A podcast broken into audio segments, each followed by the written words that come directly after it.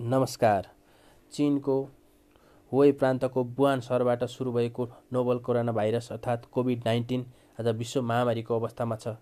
यसले झन्डै दुई लाख मानिसहरू हताहती भइसकेको अवस्था छ भने झन्डै पच्चिस लाख मानिसहरू सङ्क्रमित भएका छन्। विश्वव्यापी रूपमा सुरु भएको यो हेल्थ क्राइसिसले स्वाभाविक रूपमा विश्वको व्यापारलाई पनि ठुलो असर पारेको छ। एक ढङ्गले भन्दा उन्नाइस सय तिस पछिको सबैभन्दा ठुलो आर्थिक मन्दीको प्रक्षेपण गरिएको छ भने दोस्रो विश्वयुद्धपछिको ठुलो हताहतीको रूपमा नोबल कोरोना भाइरसको महामारीको रूपमा हेर्ने गरिएको छ। यसै सन्दर्भमा अबको विश्व व्यापार कस्तो हुने? सन्दर्भमा आम चासो आम जिज्ञासा र कौतलता रहेको अवस्था छ।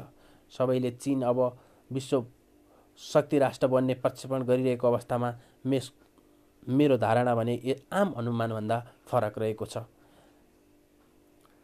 एक चिन झन्डै सय दिन लामो लकडाउनमा थियो भने अझै पनि पहिले जस्तै सबै व्यवसाय स्मुथिक भएको छैन।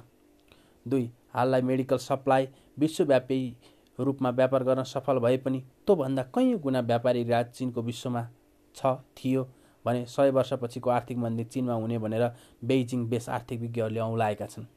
देख्दा कता कता अमेरिका चिनको द्वन्द्व जस्तो देखिँदा न्युट्रल देश जो विकास गर्न चाहन्छन् जो जो द्वन्द्वबाट टाढा रहन चाहन्छन् ती देशहरू बरु अरू जोखिम मोलेर भए पनि यी देशको निर्भरताबाट पर बस्न चाहन्छन् भने यो महामारीको फाइदा कुनै अमुक देशले लिन सक्दछ जस्तै भारत दक्षिण अफ्रिका कोरिया ब्राजिल रसिया इत्यादि।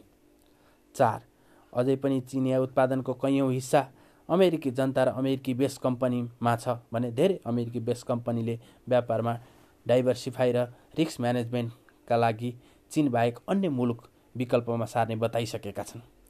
हामी जस्ता मुलुकहरू जुन रेमिटेन्स बेस र कृषि बेस हुनेहरू तत्काललाई समस्या परे पनि उत्पादनमा प्राथमिकता दिने बताइसकेका छन् जसको असर अफ्रिका एसिया दक्षिण अमेरिकी लगायतका देशमा पर्नेछ जहाँ चिनियाहरूको व्यापार अधिक छ।